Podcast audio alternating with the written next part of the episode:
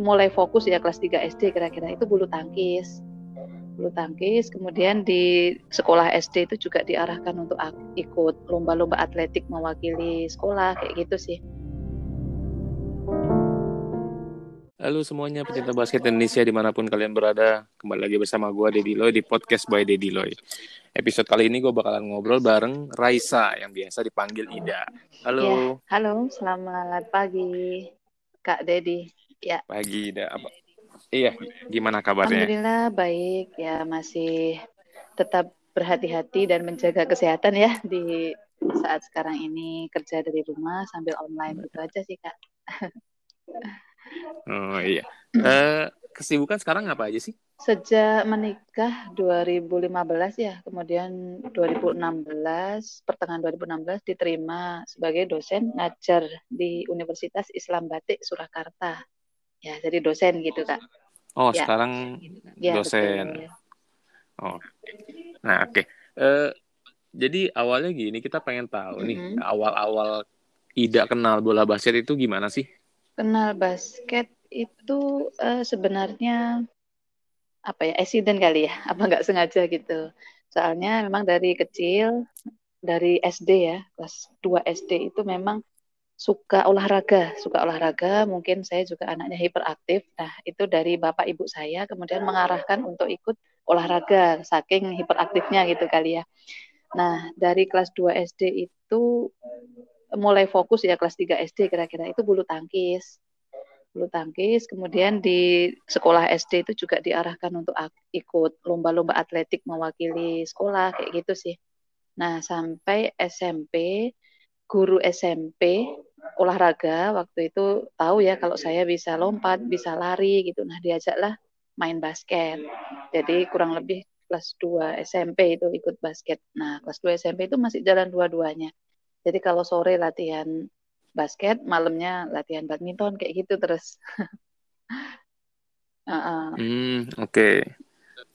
Uh, tapi masih ingat nama guru olahraganya masih, siapa? Masih, Mas Nanang waktu itu. Jadi yang Mas Nanang ini memang pelatih basket juga. Jadi waktu uh, sebagai guru olahraga di SMP, nah tahu saya lah diajak lah latihan basket di luar sekolah sama Mas Nanang itu. Ada klub namanya klub Sahabat Ponorogo dulu gitu. Oke, okay, ya. sahabat uh, Ponorogo.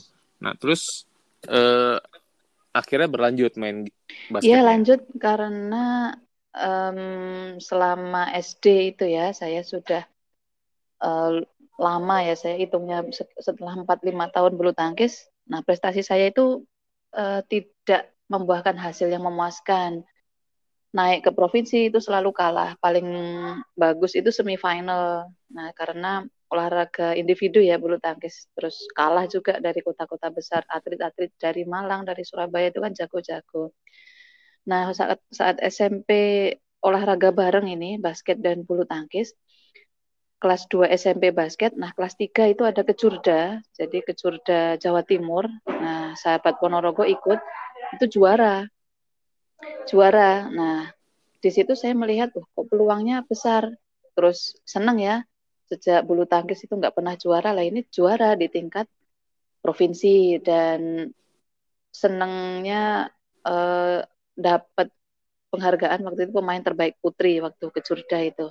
Nah, jadi dari situ eh, oh. ditekuni aja dua-duanya kemudian yang bulu tangkis akhirnya mau nggak mau ya saya lepas gitu aja nah yang basket ini terus uh, berjenjang gitu ke curda ke curnas rapon pon kayak gitu kak jadi peluangnya lebih besar di basket saat itu yang saya alami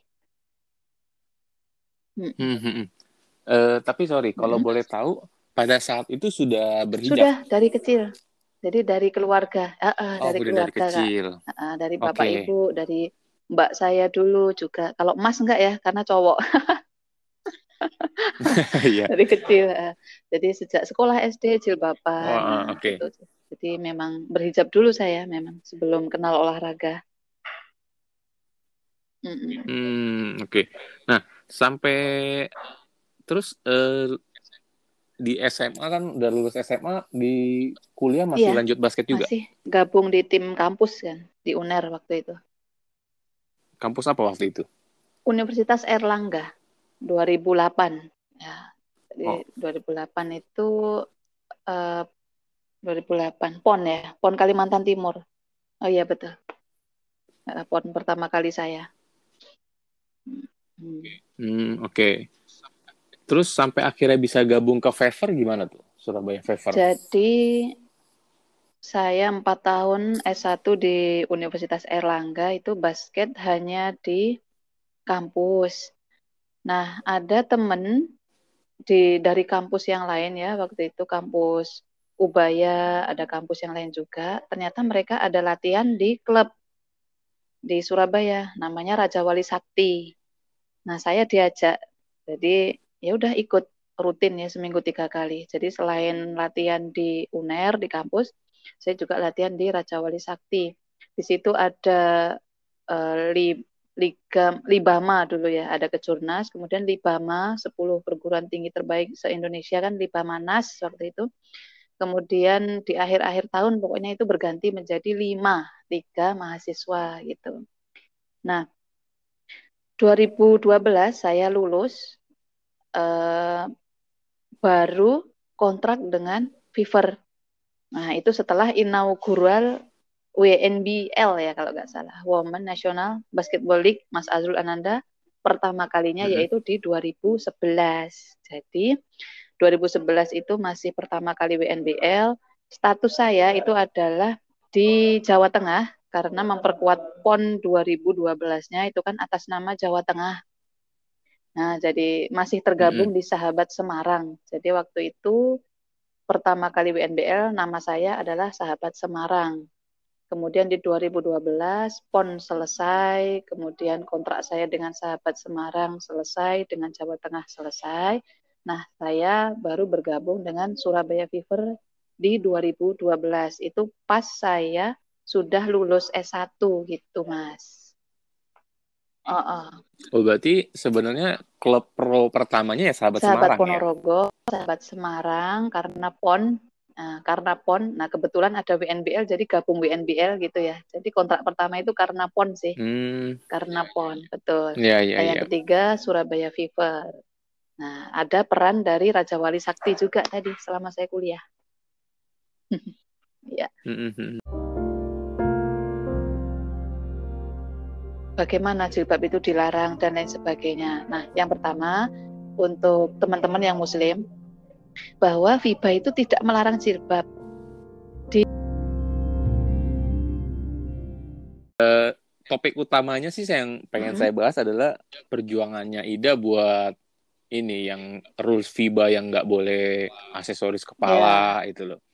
Nah, boleh diceritain nggak awal-awal itu? Kalau nggak hmm. salah kan di tahun 2005 itu pernah ditolak main ya juga ya karena karena masalah hijab mm -hmm. ini ya. Jadi waktu itu bukan 2005 kayaknya karena 2005 itu masih masih sepertinya baru meniti karir ya kayaknya baru SM baru lulus SMP kayaknya. Uh, seingat saya itu di 2006 apa 2007 mungkin ya sebelum lulus SMA waktu ke Jurda itu. Ada timnas muda ya kak ya? Ya pernah tahu ya timnas muda untuk ke, uh, timnas yang umur umur 18 gitu kalau nggak salah. Nah itu 2008 mm -hmm. jadi saya ingat itu baru lulus. Kemudian saya ke Surabaya untuk mengurus ke perguruan tinggi di situ saya ingat banget waktu itu ditelepon setelah kemarin itu nama saya muncul di koran bahwa timnas muda Indonesia itu diperkuat tiga orang dari Jawa Timur, yaitu saya, kemudian Nur Rahmawati, satu lagi Sheila ya kalau nggak salah. nah, besoknya itu pas saya di Surabaya ditelepon dari pihak uh, Perbasi Pusat ya, bahwa jika kalau saya menerima untuk bermain di timnas, maka harus melepas jilbab. Gitu. Terus kemudian saat itu juga saya sampaikan bahwa saya tidak bisa melepas jilbab ini jadi saya lebih mempertahankan jilbab. Nah, kemudian Perbasi e, menyampaikan kepada saya bahwa dengan terpaksa harus mencoret nama saya gitu. Oke, jadi saya nggak apa-apa. Itu 2008. Nah, kalau terkait e, petisi hijab, kemudian diperbolehkan hijab, itu lebih tepatnya adalah pada tahun 2015, Kak. Jadi 2014, 2014 itu saya masih di Surabaya Fever ya. Ada pemanggilan mm -hmm. timnas untuk persiapan SEA Games di Singapura 2015. Nah, Kak Ogi waktu itu manajernya di bulan-bulan Ramadan ya waktu itu puasa ditelepon, kemudian kita ngobrol dengan Kak Ogi. Kak, jadi saya bilang ke Kak Ogi, Kak Ogi tahu kalau saya punya impian main di timnas dan ya itu cita-cita saya, saya ingin banget. Nah, tapi Kak Agi, Kak Augi tahu kan bahwa kalau saya pakai jilbab nggak bisa gitu. Jadi ujung-ujungnya kita berdua bakal tahu kalau saya ini nggak bisa main gitu. Nah, saat itu saya uh, wah pokoknya keren banget deh saya tuh ngefans ya sama Kak Agi. Waktu itu Kak Agi bilang, iya kita memang berdua sama-sama tahu nanti endingnya seperti apa. Cuman akan menjadi sangat tidak adil bahwa Raisa dengan prestasinya itu kemudian tidak mendapatkan panggilan untuk memperkuat timnas Indonesia. Terlepas dari nanti uh, bagaimana perjalanan di tengah seleksi latihan ya atau siapa tahu tiba-tiba perubahan peraturan dari FIBA nah gitu.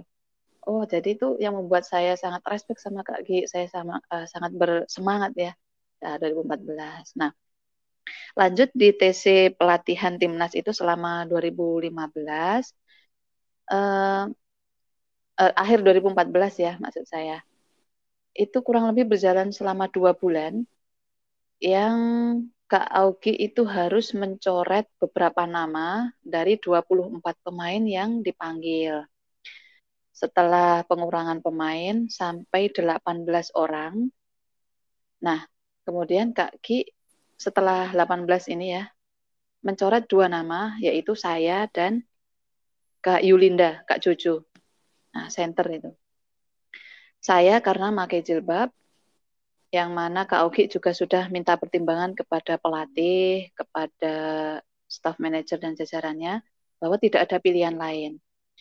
Karena kalau untuk kebutuhan pemain butuh saya ya waktu itu bilangnya begitu butuh saya untuk posisi saya, tetapi ya ada kesulitan ini bagaimana karena peraturan tidak boleh memakai jilbab. Akhirnya diputuskan saya dicoret. Nah, kalau Yul, Kak Yulinda Jojo itu karena cedera sepertinya, Kak. Nah, 2014 hmm, okay. akhir. Nah, 2014 itu setelah saya dicoret pulang, nah saya browsing deh nama-nama itu di sosial media ada nama Indira Kaljo dan Bilkis Abdul Qadir itu adalah pemain basket juga yang terhambat untuk go internasional gara-gara berjilbab. Kemudian saya kontak mereka berdua ngobrol lah kita. Uh, yang memprakarsai pertama kalinya petisi untuk merubah peraturan kepada FIBA itu Indira Kaljo secara individu, secara individu Indira Kaljo yang didukung kurang lebih 67 ribu ya petisinya. Kemudian FIBA memberikan respon bahwa itu akan diwacanakan, akan dibahas dan akan diputuskan, uh, diuji cobakan dan akan diputuskan kemungkinan uh, selama dua tahun. Nah, yaitu di tahun 2016. Nah, itulah tahun di mana kita kita ya waktu itu kita bertiga dan mungkin yang merasa senasib itu menunggu-nunggu bahwa mana ini sudah 2016 kok keputusannya belum ada. Akhirnya tanggal 13 Juli ya kalau tidak salah 13 Juli bersama-sama hampir 20 orang atau lebih itu memberikan petisi yang intinya sama bahwa untuk merubah peraturan FIBA yang didukung sekitar 132 ribu dari seluruh dunia. Nah, alhamdulillah keputusan merubah aturan berhijab atau headscarf, headgear itu di midterm uh, 4 sampai 5 Mei, 5 Mei di Hong Kong yang kemudian secara sah merubah peraturan dan memperbolehkan jilbab. Nah, itu tahun 2017 kemarin gitu, Kak.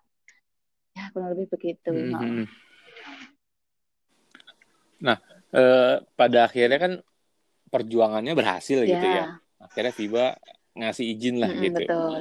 Uh, cuman selepas itu Kak Raisa, eh, Kak Ida masih ini nggak? Uh, maksudnya masih masih aktif basket nggak sih atau emang udah fokusnya cuma Uh-uh. diperjuangkan Nah, itu aja? itu dia. Jadi uh, saya setelah itu ya uh, kebetulan juga bahwa 2015 saya menikah, karir terakhir itu uh, Mei ya, Mei final WNBL ya. Mei di Jakarta itu adalah terakhir saya juga kontrak dengan Fever. Jadi sudah selesai 2016 itu.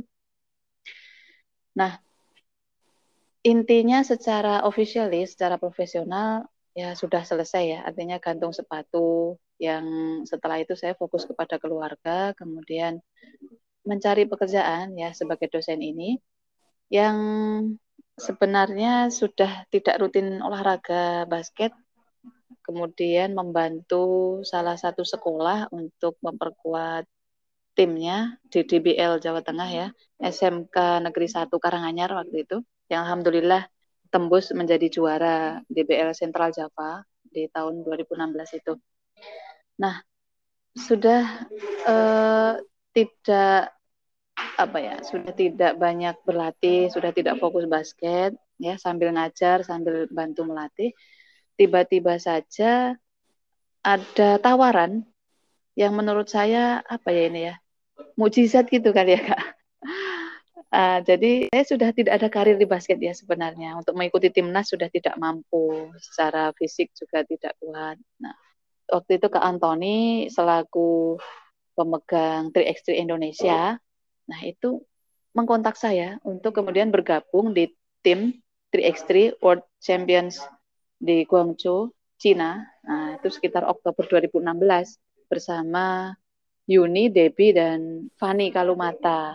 Nah, saat itu ya, wow, jadi luar biasa. Jadi apa ya, impian saya ternyata masih bisa gitu ya kak. Jadi untuk pertama kalinya, dan saya tidak tahu apakah itu untuk yang terakhir kalinya ya, karena untuk kondisi kali ini pun sepertinya susah untuk bisa bermain untuk Indonesia karena sudah anaknya sudah dua ya, jadi sudah wah kesibukannya juga fokusnya ngajar di kampus ternyata juga tidak bisa di disambi lain-lain. Nah, itu tadi. Jadi ceritanya begitu.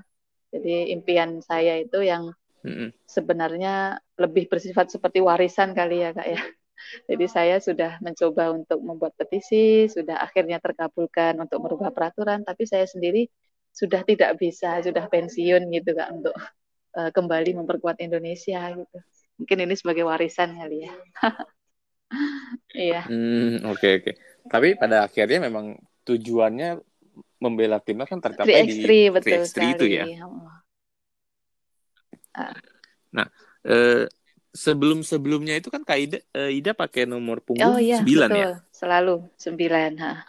nah ada ada ini nggak sih maksudnya cerita khusus gitu nomor 9 uh, itu kenapa? Jadi dari saya SMA waktu itu suka akhirnya memilih untuk bernomor 9 karena waktu itu di kompetisi-kompetisi antar SMA, kemudian saya punya teman-teman, sahabat yang pemain-pemain bagus, itu kok banyak yang nomor punggung 9. Nah, jadilah saya pengen nomor 9 karena sebelumnya saya juga bertanya kepada mereka-mereka yang bernomor punggung punggung 9 ya Kenapa memilih 9? Karena 9 itu memang angka yang unik. Karena dia angka terbesar ya. Jadi 0 itu terkecil, nah paling besar angka 9.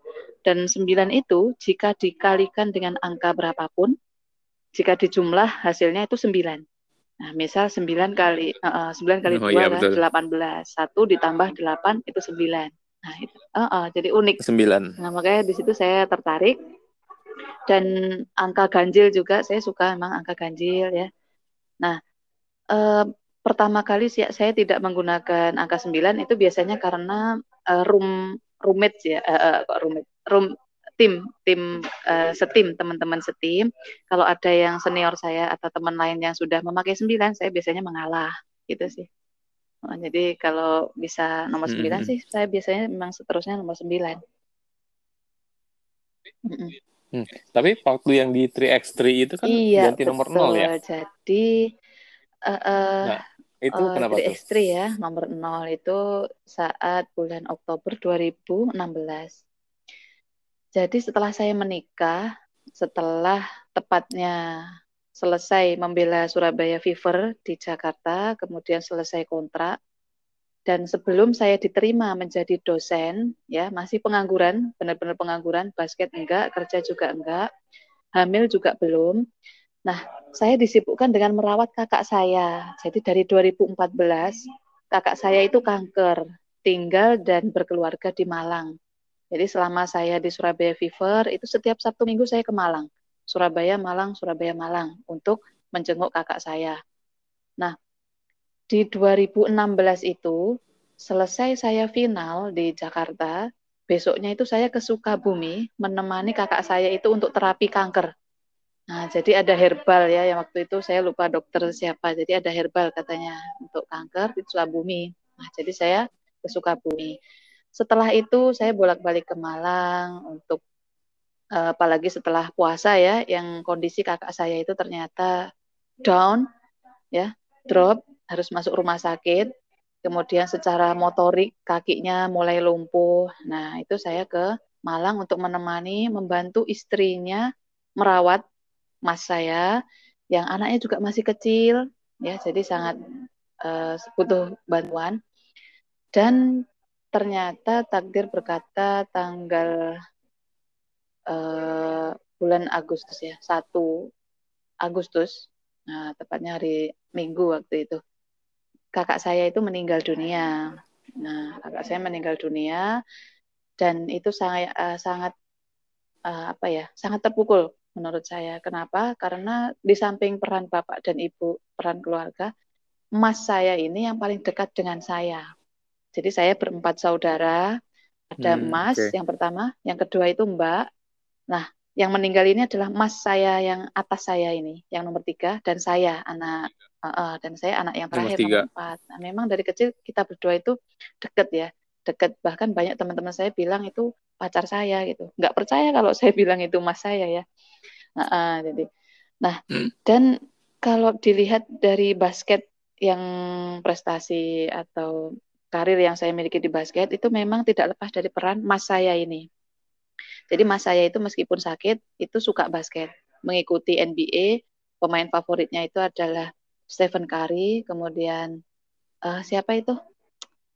Uh, Parker. Ah, Parker. Ya, terus kalau Sama saya tanya Parker. berikutnya siapa? Katanya saya. Wah, gitu idolanya. Iyalah adiknya ya. Yeah. Nah, itu suka berbagi tips, kemudian berlatih bareng ya meskipun mas saya itu hanya sifatnya memberikan arahan teori nah itu saya yang basket. Nah itu apa ya ya dekat banget secara emosional. Kakak saya yang dua itu pun juga paham bahwa saya yang paling terpukul saat mas saya itu meninggal gitu kan. Jadi seolah-olah itu sudah selesai basket saya terus kemudian saya juga sudah tidak punya support sudah tidak punya motivasi gitu kak. Jadi setelah mas saya meninggal itu benar-benar habis gitu saya merasa itu sudah selesai sudah basket saya gitu kan.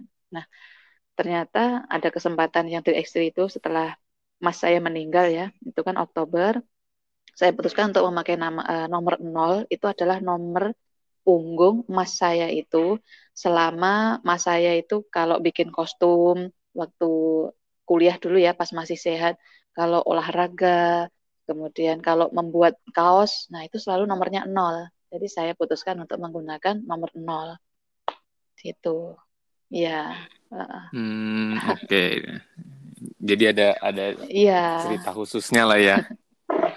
Yang terakhir sih kalau boleh sedikit sharing beberapa waktu yang lalu ya, mungkin yang mm-hmm. ada terkait timnas juga atau terkait uh, pertandingan antara itu sempat ada tawaran juga yang kemudian saya sendiri yang menolak ya. Jadi kita berdua dua pihak sudah sepakat bahwa seleksi itu dilakukan secara uh, objektif. Jadi latihan uh, kemudian seleksi. Kalau memang saya tidak mampu, jangan diperjuangkan untuk membela timnas gitu ya. Jadi harus objektif. Oke, berdua setuju dan saya juga setuju untuk melakukan seleksi. Nah, hanya saja waktu itu saya ingat April kayaknya, April 2017, uh, eh, April 2018 atau kapan ya? Lupa sih untuk waktunya. Jadi intinya seperti itu. Nah, saya mengurus izin kepada kampus, kemudian terkait bagaimana perkuliahan mahasiswa saya nanti, itu ada hambatan-hambatannya. Jadi saya agak susah juga meninggalkan uh, kampus saya. Yang kedua ternyata saat itu saya hamil muda, jadi ya sudah pas deh kalau akhirnya saya mundur lagi. Waktu mau timnas saya mundur lagi gitu. Jadi ya ya belum jalannya gitu kak. jadi uh, jadi datang hmm, datang iya, iya. kesempatan. Iya. Karena juga bisa. juga hmm. udah terlalu Hmm, karena memang udah iya, betul kak. Dan perempuan ya. ya beda kalau laki-laki gitu. Iya. Tapi yang saya salut adalah ya perjuangannya memperjuangkan ini sih yang petisi yeah. itu ya sampai hmm. ya mungkin Ida nggak mera cuman merasakan teriak sekali itulah ya tim yeah. membela timnas cuman kan jadi apa ya menurut saya sih jadi jadi hal yang bagus banget buat anak-anak muda yang di bawah-bawahnya iya, ya. betul. ya. itu tadi. Jadi mereka udah, juga nggak iya, terkendala seperti uh, Ida ya, gitu. Mudah-mudahan jadi warisan dan mungkin yang perlu saya sampaikan lagi kak uh, di sini ya, mumpung sama Kak Dedi juga, yang perlu saya luruskan. Jadi dari hal ini hmm. kan namanya netizen itu kadang ada komentar yang uh, ekstrim kanan, ekstrim kiri gitu kak ya yang satu itu membela habis-habisan, hmm. kemudian yang satu uh, tidak setuju uh, uh, ngapain kalau pakai jilbab terus olahraga gitu, mending nggak usah. Nah pokoknya macam-macam ya. Nah di sini saya ingin uh, uh, sekalian ya. menjelaskan. Jadi begini bahwa FIBA itu punya peraturan, Boleh. diputuskan bagaimana jilbab itu dilarang dan lain sebagainya. Nah yang pertama untuk teman-teman yang Muslim bahwa FIBA itu tidak melarang jilbab. Di peraturan versi asli, saya juga punya naskahnya, itu bahasa Inggris, namanya headscarf atau headgear. Itu artinya penutup kepala atau aksesoris. Jadi tidak disebutkan jilbab. Nah, maksud peraturan ini, maksud hmm, yeah. yaitu untuk meminimalisir cedera yang tidak diinginkan, yang melukai diri sendiri maupun orang lain. Jadi peraturan dibuat itu semua ada alasannya. Nah, jadi eh, teman-teman yang muslim ya terutama jangan membenci bagaimana para pemilik kebijakan peraturan ini kok mendiskriminasi umat muslim yang bersifat itu bukan. Jadi bukan, bukan uh, hmm. mendiskriminasi karena mereka ya belum tahu aja. Mereka belum tahu oh ternyata oh di sini ada umat muslim yang kalau basket pakai jilbab itu oke-oke aja gitu kan. Nah, mereka belum tahu itu. Nah, kemudian dari perspektif uh, para pemilik kebijakan dari FIBA itu sudah keren banget ya. Saya sudah makasih banget sudah mau menampung petisi kami, kemudian uh, membahas dan akhirnya merubah kebijakan itu sangat luar biasa. Nah, jadi bagi yang uh, netizen yang lain ya yang mungkin berpikir bahwa kalau kita umat muslim yang berjilbab itu lebih baik jangan apa jangan olahraga mending di rumah aja atau sekolah aja. Itu tidak juga karena dari teman-teman saya juga yang mayoritas itu non muslim kak ya. Maaf di sini saya sebut non muslim itu e, merasa tidak terganggu loh dengan saya dan teman-teman yang lain mungkin yang memakai jilbab jadi it's okay fine fine aja gitu loh jadi uh, tolong para pendengar di sini harus bijak ya. Jadi jangan terlalu ekstrim kanan, ekstrim kiri karena semua ada penjelasannya gitu kak. Jadi baik dari pihak FIBA, yeah, pihak yeah. FIBA, kemudian pihak negara Indonesia, perbasinya Indonesia, dari pihak saya sendiri, dari atlet-atlet yang bersifat maupun tidak, itu semua ada penjelasannya kak gitu. Hmm. Iya iya. Kalau saya nangkapnya sih memang ya FIBA bukannya bermaksud yeah. mendiskreditkan juga mm -hmm. sebenarnya kan karena dikatakan aksesoris yeah, kepala yeah, betul. gitu kan bukan mengatakan jilbab atau hijab uh -uh. gitu. karena setahu saya juga yang headband yang ninja itu juga yeah, sebenarnya nggak boleh kan ada yang cowok juga dari India uh, karena dari India yang pakai apa itu India kan pakai yang apa di rambutnya yang mentol-mentol cowok-cowok Nah, mereka ada ada, oh, ada ya? pemain ya? basket India itu kalau basket pakai kayak gitu, cowok pada. Nah, itu kan juga dilarang hmm. karena adatnya India itu loh. Iya, iya, iya. Iya, dan okay, memang okay. Uh, alhamdulillahnya itu masing-masing manusia ya yang memiliki keyakinan, yang memiliki religi yang berbeda-beda itu ada peluang, ada peluang untuk memperjuangkan keyakinannya Kak dengan jalan yang baik, dengan cara yang baik begitu. Mm-mm. Ya, ya, ya, ya. Setuju sih. Bukan bukan Betul, halangan lah iya. harusnya. Semua kan masih bisa di bisa bisa dibicarakan iya. gitu kan, Betul, diperjuangkan. Kak. Nah, ini namanya Rara yang waktu itu 2015 kemarin tuh masih SD. Waktu saya ke Jakarta, ke Depok ya. Nah, terus ya, saya mau nanya nih sama Ida, masih ngikutin basket nggak sih? Tapi maksudnya kayak mungkin yang KU-KU yang muda-muda gitu? Sebenarnya sudah tidak. Dari 2016 itu sudah tidak. Oh, udah enggak ya. Tetapi saya terbantu dengan anak-anak didik saya yang SMA itu ya. Kadang main ke rumah kemudian ngobrolin tentang basket dan kebantu juga saya di invite grup grup WhatsApp itu dari teman-teman aktivis basket, pemerhati basket dan juga ada pelatih dan wasit juga. Nah, itu dari grup Jawa Timur. Jadi grup basket apa ya coach and referee Jawa Timur gitu kayaknya. Nah saya di invite grup di situ ada berapa puluh orang ya banyak. Mereka bicara tentang peraturan tentang liga-liga kejurda, KU-KU. Nah tetapi saya di situ hanya uh, apa ya membaca aja, jadi membaca aja dari grup update-update grup gitu aja, meskipun tidak aktif di grup. Nah, cuman gitu hmm. sih sebatas itu. Uh -uh. Soalnya, uh, soalnya gini, biasanya setiap narasumber yang saya ajak ngobrol itu selalu saya tanya e, menurut kalian tuh pemain ada nggak pemain muda yang punya masa depan bagus lah yang punya skill bagus yang kira-kira kalau ketemu pelatih bagus dan klub bagus dia bakal jadi pemain timnas masa hmm. depan gitu. Kalau versinya Ida Wah, ada nggak? Ini ada nih kebayang berat ya saya jawabnya. Uh, dulu ya sekitar 2015 itu sempat kenal uh, setelah petisi itu lagi rame ya, kemudian salah satu anak ini menghubungi saya, kemudian uh, beli baju kaos tuh dari saya. Nah, sa selain petisi kan 2015 kemarin saya juga membuat kaos tuh buat kampanye kan, hoping with hijab itu gambarnya. Ya, yang uh, hoping with nah, hijab itu ya. Itu masih, masih sekarang? cuman semuanya kan uh, beberapa sih bertanya kapan uh, bikin kaos lagi. Nah, saya sendiri saja yang belum belum membuka order atau belum men, uh, belum bikin oh. lagi. Tapi pada dasarnya masih masih, di, masih, masih. dilanjutkan ya. Nah, nah itu ya? okay. uh, anak ini namanya Rara yang waktu itu 2015 kemarin tuh masih SD. Waktu saya ke Jakarta, ke Depok ya, ke kakak saya, kebetulan aja dia rumahnya Depok juga ternyata nggak sengaja kita kontak-kontakan, ketemuan hmm. lah kita. Nah, di situ kemudian saya uh, telusuri Instagramnya. Beberapa anak didik saya ternyata juga tahu si Rara ini. Anak didik saya di sini itu tahu. Nah, saya uh, melihat ini uh, gimana ya, bagus, bagus, skillnya bagus uh, untuk anak seusia Rara ini ya. Waktu itu masih SD.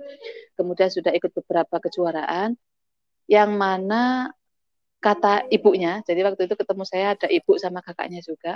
Rara ini uh, punya ya, pemain idola itu saya katanya gitu dan pengen juga untuk berjilbab nanti kalau sudah besar. Nah seperti itu kak. Jadi uh, saya yakin Rara ini jika dia melanjutkan untuk tetap berlatih dan fokus untuk belajar basket, kemudian bertemu dengan pelatih yang pas ya, mungkin di klub atau nanti di kejur, eh, kejurnas atau pon itu bisa menjadi pemain Indonesia ke depannya. Uh, uh, saya uh, uh, saya manggilnya okay, Rara. Rara ya. Cik Rara waktu itu. Oh. Oke. Okay. Terus ya. yang kedua nih, Da. Ada harapan khusus apa nggak buat basket Indonesia ke depannya? Uh, untuk basket Indonesia ke depan, ya meskipun berat ya ini, uh, saya tahu ini berat untuk perbasi pusat, untuk para pemilik klub, dan pelatih juga, saya punya harapan ya uh, bahwa basket ini untuk semua, laki, perempuan, tua, muda, yang di desa sekalipun. Nah, saya bicara begini karena setelah menikah saya jauh ya, jauh dari Jakarta, jauh dari Surabaya, tidak seperti biasa. Jadi saya di sini itu di Karanganyar. Nah, Kak Dedi kalau mau ke Tawangmangu jalan-jalan mampir ke tempat saya, Kak. uh, iya. Nah, oh, dekat ya. Di sini saya sambil melatih itu saya melihat bagaimana potensi-potensi anak-anak desa. Attitude-nya mereka, kemudian patuh, nurut. Nah, jadi besar sekali harapan saya bahwa basket ini bisa meluas event-eventnya, kompetisinya bisa sampai bawah, sampai desa dirasakan anak-anak kampung ya. Dan kemudian itu didukung. Nah, didukung seperti apa? Jadi mungkin uh, kita sudah tahu Kak ya, bahwa basket ini tidak lepas dari para pemain-pemain besar dari kepentingan-kepentingan politik gitu kak ya. Dari kepentingan-kepentingan ya, ya, pribadi. Oh ini saya ini anak saya. Oh itu teman saya. Oh itu saudara saya. Itu yang berat. Nah jadi besar sekali harapan saya bahwa segala sesuatunya itu dilakukan dengan seharusnya jadi prosedurnya bagaimana kalau TC pemanggilan untuk seleksi ya semua harus dipanggil kemudian lolos apa tidak seleksinya harus dinilai secara objektif, harus dirapatkan. Nah, kenapa? Karena saya sudah merasakan sendiri dan saya begitu sakit hati, Kak, ya. Saya kalau bisa cerita di sini. Dan tentu yang paling sakit hati adalah anak-anak saya. Karena tahun 2018 eh, kemarin anak didikan saya yang memperkuat pra Porprov, kemudian maju kepada Porprov Jawa Tengah, membawa nama Kabupaten Karanganyar, besok mau tanding semifinal, jadi sudah lolos e, perempat ya. Besok mau tanding semifinal. Malam ini didiskualifikasi oleh panitia. Nah, kenapa ya? Yang pertama ini memang banyak sekali ya uh, dari sudut pandang saya pelatih atau dari sudut pandang penyelenggara bahwa kan yang di sini sebenarnya saya anggap sepele ya. Saya anggap sepele karena ini hanya miskomunikasi terkait tim 5 on 5 dengan tim 3, x, uh, 3 on 3. Peraturannya bilang pemain 3 on 3 nggak boleh main 5 on 5 kan gitu. Nah, saya sudah saya uh, saya sudah mematuhi hmm, hal itu. Okay. Ternyata saya usut punya usut setelah didiskualifikasi itu panitia menjelaskan kembali bahwa pemain 3 on 3 tahun lalu saat pra porprov itu nggak boleh main 5 lawan 5 di porprov. Nah, itu saya saya rasa itu hal sepele sekali, Kak. Kenapa? Karena saya jamin 100% karena kami jujur ini semuanya anak daerah, anak desa asli Karanganyar. Kami tidak e, mendatangkan pemain dari mana pun. Nah, Nah, di situ saya mm-hmm. juga curiga ya bahwa lah panitia ini bagaimana dalam bekerja. Bukannya kami sudah mengirim nama-nama pemain, bukannya kami sudah membuat list pemain cewek, pemain cowok, kemudian siapa saja yang ikut bertanding di Porto. Apakah panitia tidak bekerja? Apakah panitia itu tidak mengecek? Nah, itu jadi menurut saya itu sepele sekali yang menyakiti kami ya, anak-anak saya yang notabene mereka anak-anak desa yang saya punya impian besar ya karena saat itu saya juga mempromosikan anak-anak saya salah satunya sekarang di Pontianak kak tenaga baru nah impi uh, impian saya oh, iya. mereka iya. semua itu bapak ibunya tukang bangunan kak coba bayangin tukang jahit di kampung melihara sapi sapi itu kalau nggak dijual kan nggak punya pendapatan kak Nah, besar harapan saya mereka itu bisa iya. main yeah. di klub, mereka hidup dari klub dan bisa sekolah, pulang bawa ijazah itu bisa kerja, Kak. Wah, di situ itu saya sangat uh, saya sangat yeah, sakit yeah. hati sekali dan saya tahu itu sangat perih untuk anak-anak saya. Untungnya mereka ya anak desa ya, bandel gitu ya, kuat. Nah, saya sangat bersyukur sekali ya mereka itu. Tapi ya memang butuh beberapa waktu untuk uh, menyikapi hal ini. Jadi itu peluang besar mereka untuk juara Porprov, yang mana Porprov itu adalah untuk seleksi PON ya Kak. Seleksi prapon, pon, kemudian so. timnas. Nah, itu luar biasa. Mereka bisa dapat uang, dapat pekerjaan, dapat sekolah, dapat beasiswa. Nah, itu sudah nah, hancur juga hati saya waktu itu, Kak. Ya Allah. nah, itu harapan besar saya. Semoga yeah, yeah. Uh, bisa menjadi apa ya?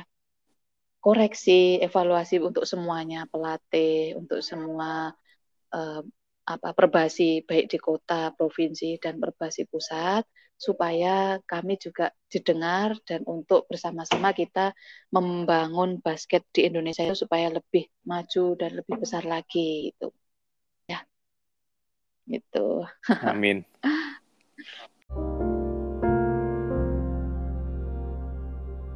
Oke, ya, ini yang menarik. terakhir nih.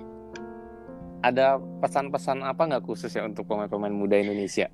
uh, pesan-pesannya uh, itu adalah yang selalu saya sampaikan ya bahwa itu pesan dari bapak saya. Jadi saya sampaikan lagi ini adalah pesan dari almarhum bapak saya bahwa segala hobi termasuk bola basket yang kita tekuni di sini itu adalah anak tangga.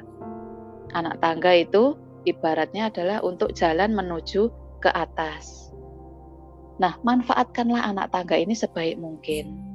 Ya, jangan sampai terpleset, jangan sampai jatuh.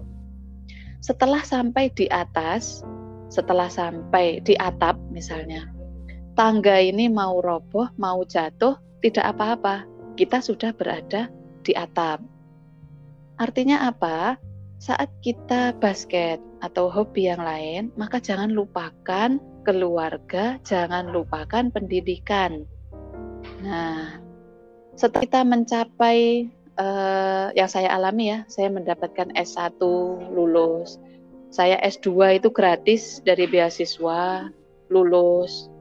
Nah, bisa dimanfaatkan untuk dunia kerja. Nah, basket sebagai anak tangga ini misalnya sudah jatuh, maka itu tidak akan membuat kita jatuh juga seperti yang saya rasakan, alhamdulillah sudah bisa bekerja sebagai dosen meskipun sudah tidak bisa menghasilkan di dunia bola basket. Nah, di situ jadi teman-teman, adik-adik ya, jangan lupakan yang menjadi inti kehidupan kita yaitu pendidikan dan keluarga dan uh, jaga selalu attitude. Oke, saya ulangi attitude yang mana semua orang itu tahu ya, para orang-orang besar para pengusaha, para pejabat juga tahu bahwa yang dicari itu adalah orang-orang yang jujur, orang yang baik, bukan orang-orang yang uh, terkenal tetapi attitude-nya kurang baik itu tidak. Jadi jaga selalu attitude. Yang insya Allah ya saya juga selalu punya moto dalam basket itu good player itu nggak selalu adalah good man.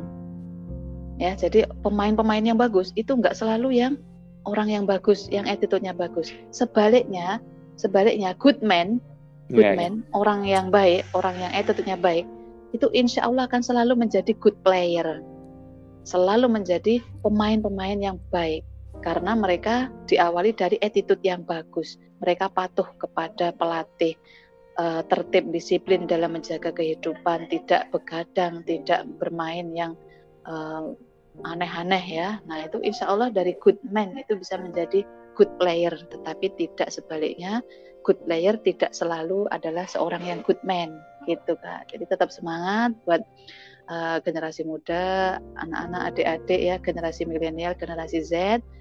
Masa depan kalian itu masih sangat panjang dan sangat uh, banyak sekali impian-impian yang bisa kalian raih. Nah, intinya fokus kepada inti kehidupan kita, keluarga, pendidikan, dan attitude gitu kak tetap semangat. Yeah.